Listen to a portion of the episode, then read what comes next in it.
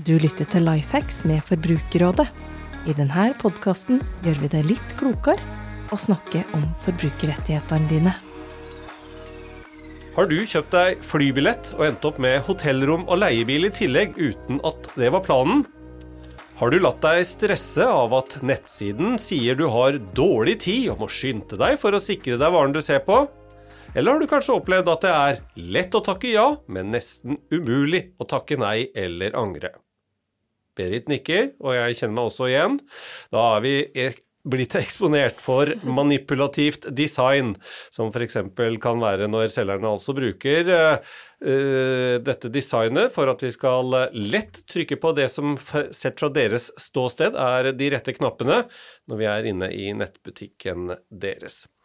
Det blir en del om dette i denne episoden. Vi får snart besøk av av atferdspsykolog Irmelin Berg og fagsjef her i Forbrukerrådet Finn Myrstad, som kan mye om dette.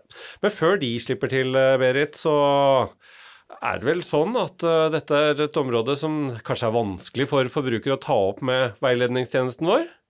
Ja, det er jo klart at mange er jo ikke klar over at de er utsatt for det heller. Eh, og så tror jeg mange stiller på en måte spørsmålstegn ved det, men så vet man jo ikke helt hvordan på en måte unngår man det, eller hva er det egentlig man, de skal frem til her?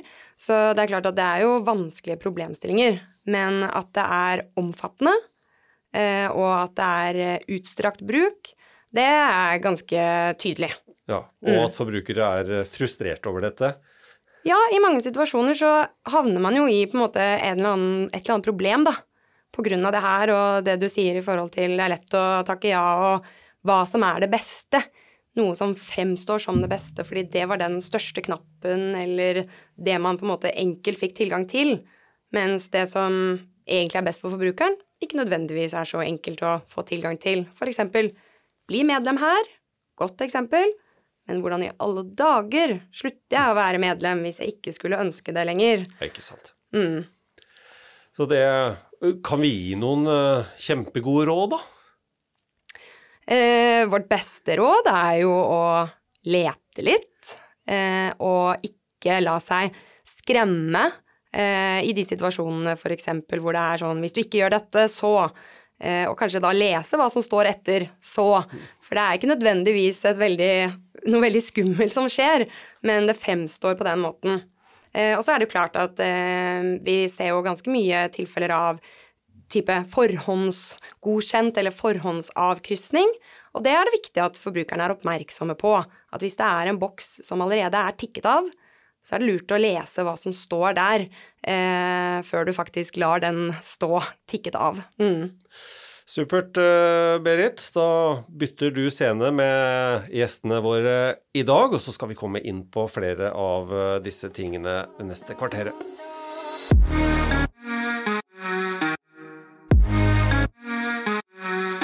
Forbrukerrådet har hatt eh, arbeidet med manipulerende design høyt på agendaen i mange år allerede, og har bl.a. klaget inn selskaper som Google og Amazon for hvordan de har uh, lurt brukerne til kontinuerlig å dele lokasjon eller gjøre det vanskelig å avslutte abonnementet. Og fagsjef Finn eh, Myrstad, da er vi vel eh, litt inne på definisjonen av hva dette er. Fagsjef fagsjef altså her i Forbrukerrådet og en som har jobba med dette i disse årene som vi har vært involvert. Hva er dette manipulerende design? Nei, Manipulerende design er veldig enkelt fortalt måter tjenester på, på nett og i apper f.eks. designa eller fremstilla ulike valg som vi tar hele tida på, på, nett. Det kan være når du skal kjøpe noe, når du skal abonnere på noe, du skal lage en konto på noe. Eh, så lager tjenesten en design som skal gjøre det enkelt for deg å velge. Og det vi kaller manipulerende design, det er når de, den designen Eh, påvirker deg til å ta et valg som kanskje er i, eller som ofte er i selskapets interesse, men kanskje ikke er din egen. Og det kan føre til at du f.eks. bruker mye mer tid på et sted eh, enn det du hadde tenkt til. Eller at du, kjøper ting du ikke hadde tenkt til å kjøpe, eller plutselig hadde du kjøpt en bilforsikring som du ikke hadde tenkt til, eller eh, som du ikke trengte. Eller at du eh, takker ja til veldig overdreven sporing av persondataene dine. Så manipulerende design ser vi overalt, og eh, begynner å se at det har store negative konsekvenser for forbrukere og kanskje for samfunnet. Mm. Da er vi inne på det hvorfor vi jobber med det. ikke sant? Det er de negative konsekvensene for uh, forbrukerne. Med oss uh, i dag også, velkommen uh, Irmelin Berg. Tusen takk. Atferdspsykolog, partner i NudgeLab. Du har en doktorgrad i psykologi og har jobba med atferdsendring i en årrekke, bl.a. som forsker og senere strategisk rådgiver i Netlife Design. Hva er det som kan være bra med dette? For det er noe med at uh, dette designet kan også fungere som uh, noe som er bra for oss. Ja, da vil jeg presisere at det er ingenting bra med manipulerende design. Nei, akkurat. Men eh, designere og altså innenfor bransjen, det å gjøre det lett for oss å ta kloke valg, mm. altså det som er bra for oss som forbrukere, det kan man bruke det som vi kaller nudging til, og designe til. Så interaksjonsdesign, eksempel, det handler jo om å gjøre en tjeneste på nett, et skjema, lett å klikke seg gjennom, sånn at vi bruker minst mulig tid på å gjøre det vi kom dit for å gjøre, og er glad når vi er ferdig. Mm. Så det er jo god bruk av design, det å gjøre det brukervennlig, ja. altså med oss som forbrukere i fokus og våre behov. Ja, og da tar du meg med en gang, ikke sant, på, som vanlig forbruker som ikke engang vet helt begrepsforskjellen her. For nudging snakker du om da, mm. og er også jobber med NudgeLab. For da prøver dere den positive vrien og, og se hvordan disse tingene kan brukes, og hvor forbrukeren får lov til å ta opplyst og kloke valg etter eget ønske. Ja, altså nudging, det handler jo om å påvirke alle de valgene vi tar til enhver tid. Vi tar forskere har sett på, vi tar kanskje så mye som 35 000 valg hver dag. Og det er klart at skal vi ha energi til å gjøre dette, så ønsker vi at det skal gå enklest mulig. Og nudging er jo da å påvirke disse valgene i, i en positiv retning, altså påvirke valgene våre som er til det beste for oss. Og så er jo det andre fagdisipliner, som da UX og design, som tepper inn på da atferdspsykologi, sånn at man til sammen kan gjøre f.eks.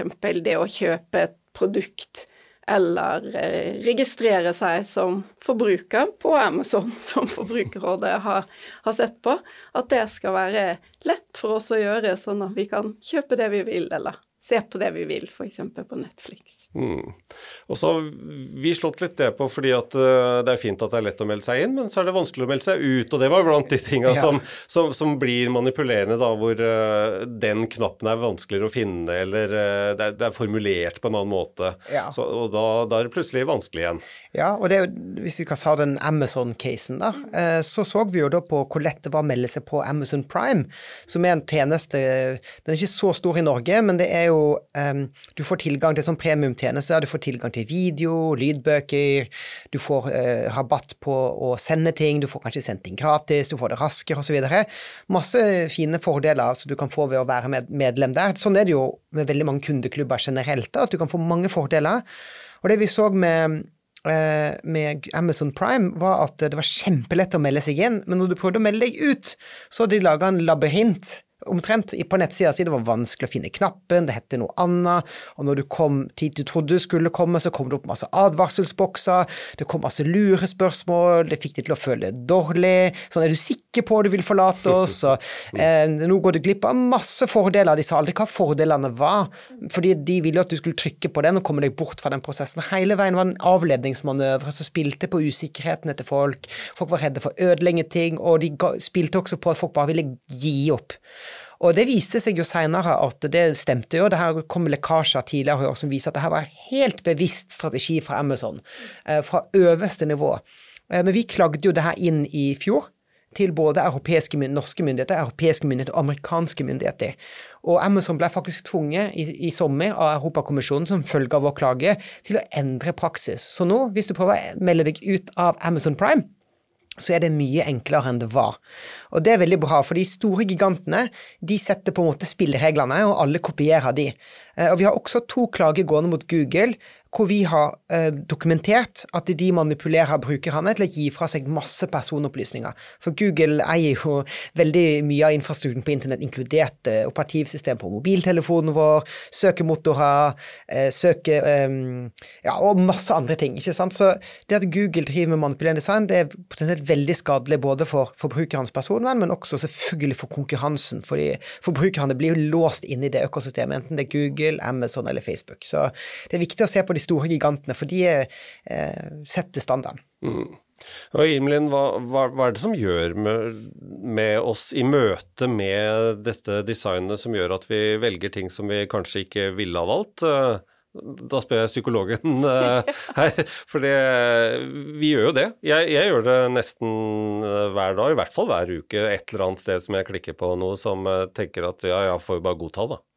Ja, og det, det er vel det som, som er problemet at nettopp alle disse valgene vi tar hver dag, det kan du De fleste av de valgene, de tar vi så å si på impuls. Vi går på vaner. Vi påvirker situasjonen du er i, sånn at er du stressa, så tar du et helt annet valg, eller hvis du er i fred og ro.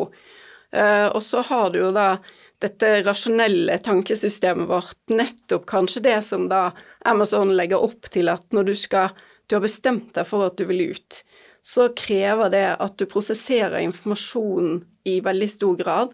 Du må bruke mye energi og kapasitet på en handling som burde vært enkel fordi det er til det beste for oss. Mm. Da tvinger de oss over i at Altså, de har lagt til friksjon på noe som er til det beste for de. Sant? Altså, de gjør et, et valg som er Jeg har lyst til å melde meg ut, men det er dårlig for deres business. Mm. Da gjør de det vanskeligere.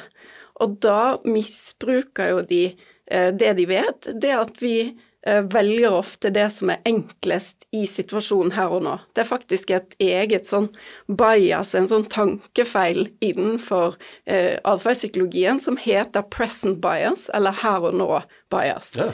Og det handler om at vi har en tendens, vi mennesker, til å velge belønning i øyeblikket istedenfor det som lønner seg på lang tid. Eksempel kan jeg bestemme for å spise sunt, men så er det kake på jobb, og så ryker du på. Sant? Så du går gir etter for valget som er enklest i situasjonen.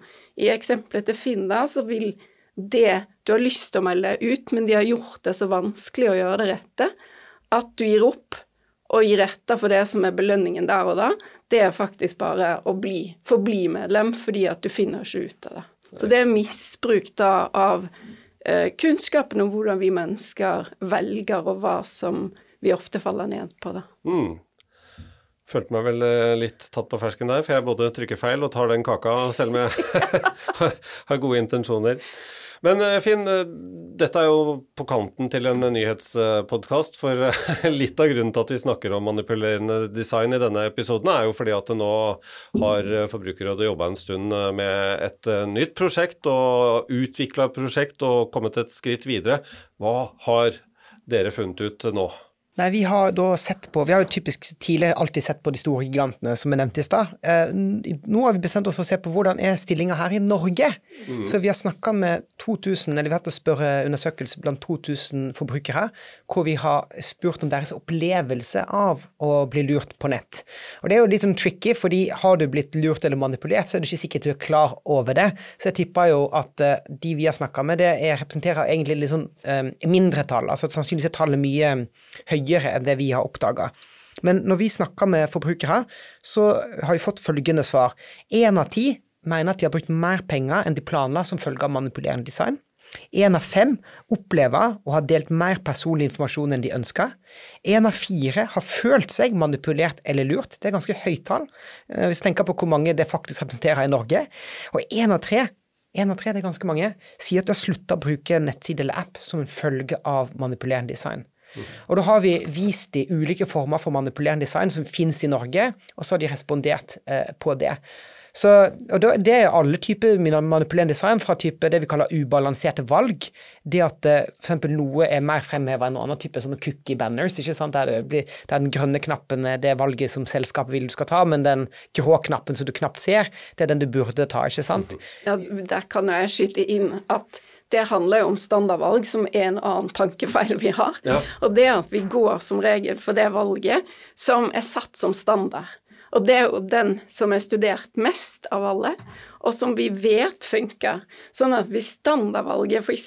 For, for det som Finn sier, hvis personvernet vårt skal være kun nødvendige cookies. Mm. Det er det beste for oss forbrukere. Vi har ikke lyst til å gi opp mer opplysninger enn vi trenger. Nei, det har vi jo ikke. Da burde den vært satt som default, altså standardvalg, sånn at det var kjempelett for oss å gjøre det som er rett for oss.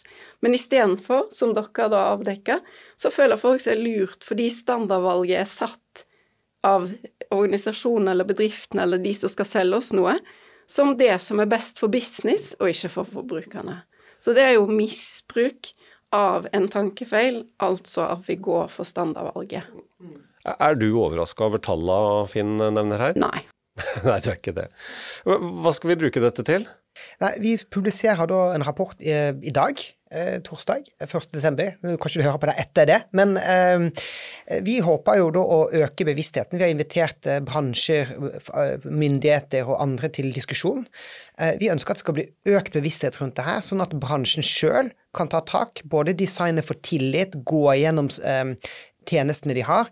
Vi ønsker jo at myndighetene i større grad skal bruke det lovverket vi har, til å håndheve loven. Det er både en markedsføringslov og en personopplysningslov som i teorien skal beskytte oss mot en del av disse eh, manipulerende triksene vi ser der ute. Og så håper vi jo at eh, myndighetene også vil jobbe for et strengere og bedre og klarere regelverk. Det tenker vi egentlig være bra for alle. Det blir, tydelig, det blir tydeligere for myndighetene hva de skal håndheve. Det blir enklere for bedriftene å vite hva som er lov og ikke lov. Det blir likere konkurransevilkår mellom bedriftene. For i dag er det sånn at det ikke lønner seg nødvendigvis å være snill i klassen, fordi de som er slemme i klassen, de tjener mer penger. Og så håper vi også å øke bevisstheten hos forbrukerne sjøl. Fordi i hverdagen så må en jo ha hundre andre ting å tenke på. Men hvis du følger et par enkle huskeregler, som jeg skal på å finne fram her nå, så kan du eh, begrense risikoen for at du, du blir lurt gjennom manipulerende design.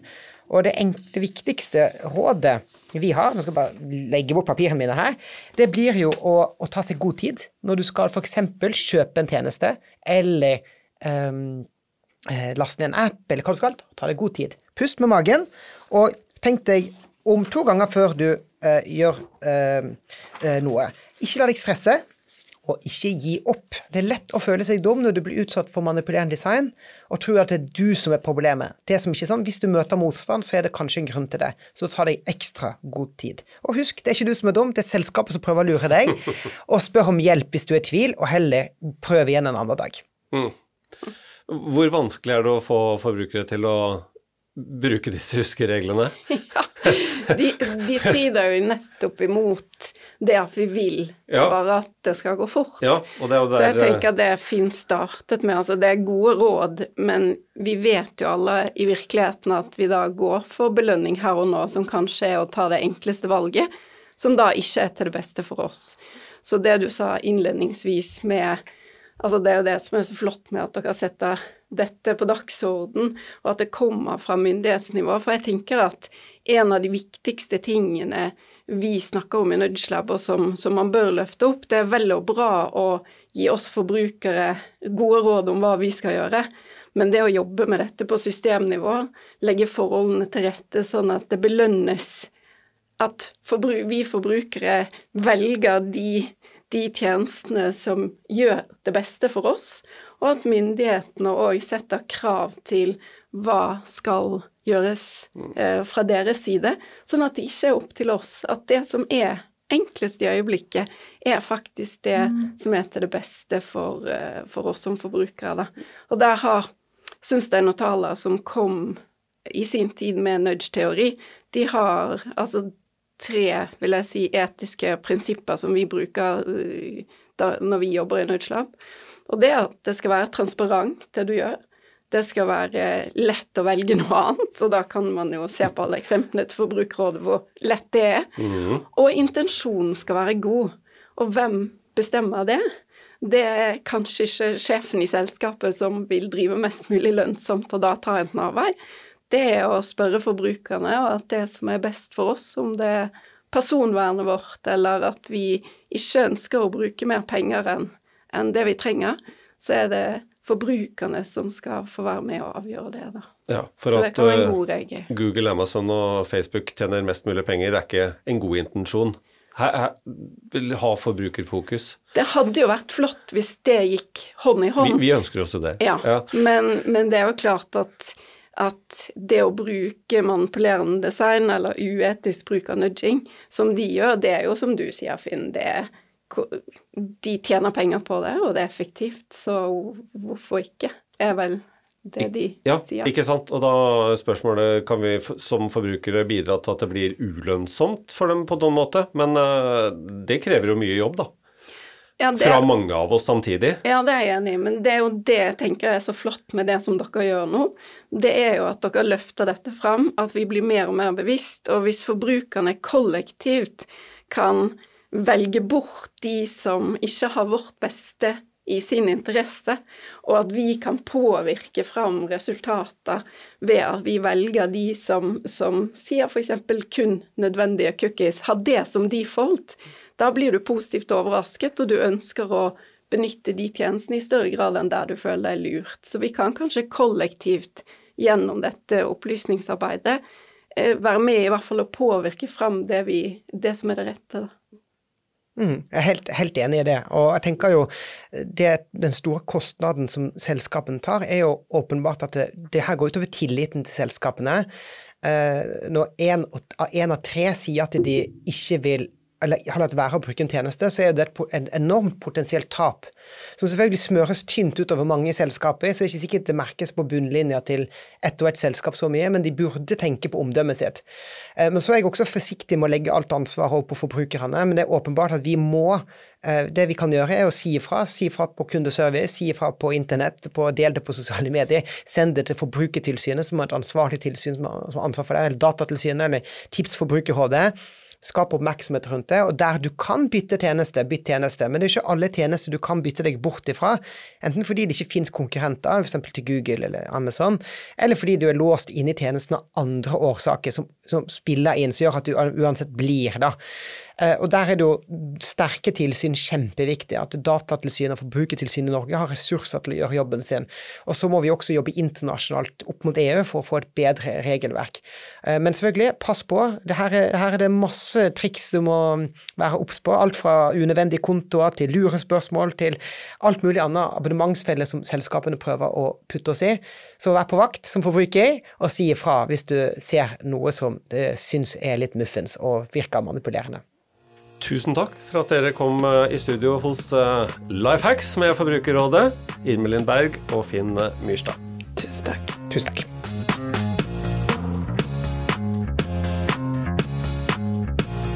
For dere som er mer nysgjerrig på dette temaet, eller vil lese hele den nye rapporten som Finn fortalte om, så kan dere klikke inn på forbrukerrådet.no for mer om dette. Velkommen tilbake, Berit. Takk, takk. Vi dropper ikke dagens kuriosa i dag eh, heller. Og i dag skal vi høre at vi ikke bare får henvendelser fra forbrukere, men eh, noen næringsdrivende trenger veiledning også. Som regel til det beste for forbrukeren, eller eh, er det ikke alltid sånn? Eh, Jeg opplever at eh, mange næringsdrivende som kontakter oss, de vil vite hva som faktisk er reglene. Eh, Og det er jo positivt. Eh, Men det er klart at noen kanskje også ønsker det for å prøve å omgå reglene, og det er jo ikke så positivt. Eh, Dagens Kuriosa kom nettopp fra en næringsdrivende som drev et verksted, som hadde foretatt en service på en moped for en kunde. Og når kunden kom for å hente mopeden, så ville han ikke betale for servicen. For han mente at det fulgte av kjøpsloven at man måtte avtale pris på forhånd hvis eh, verkstedet skulle kreve betalt. Eh, Denne verkstedsrepresentanten ble veldig usikker når dette ble fremstilt, og ville vite om det var riktig, og, og var jo egentlig bekymra for at de aldri skulle kunne ta betalt igjen for en eh, service. Eh, Veilederen kunne heldigvis informere om at service på en moped reguleres av håndverkertjenesteloven, og at den ikke stiller krav til at prisen var avtalt på forhånd, men det må jo være avtalt at servicen skal utføres. Eh, veilederen rådet allikevel til at eh, verkstedet forsøkte å avtale pris med kundene på forhånd så langt det lot seg gjøre, så man i hvert fall kunne slippe sånne situasjoner i fremtiden. Men eh, det var klart at dette var jo en fordel for håndverkeren akkurat i dette tilfellet. At forbrukeren hadde dessverre ikke rett til å få en gratis service bare fordi prisen ikke var avtalt på forhånd.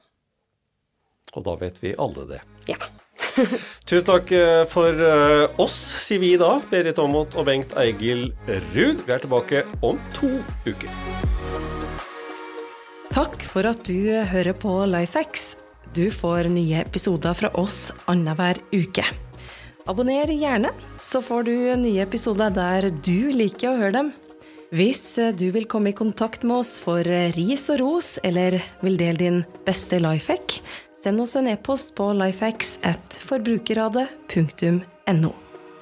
For andre forbrukerhenvendelser er det de vanlige kanalene som gjelder. Du når våre forbrukerveiledere via kontaktinformasjon du finner på forbrukerrådet.no.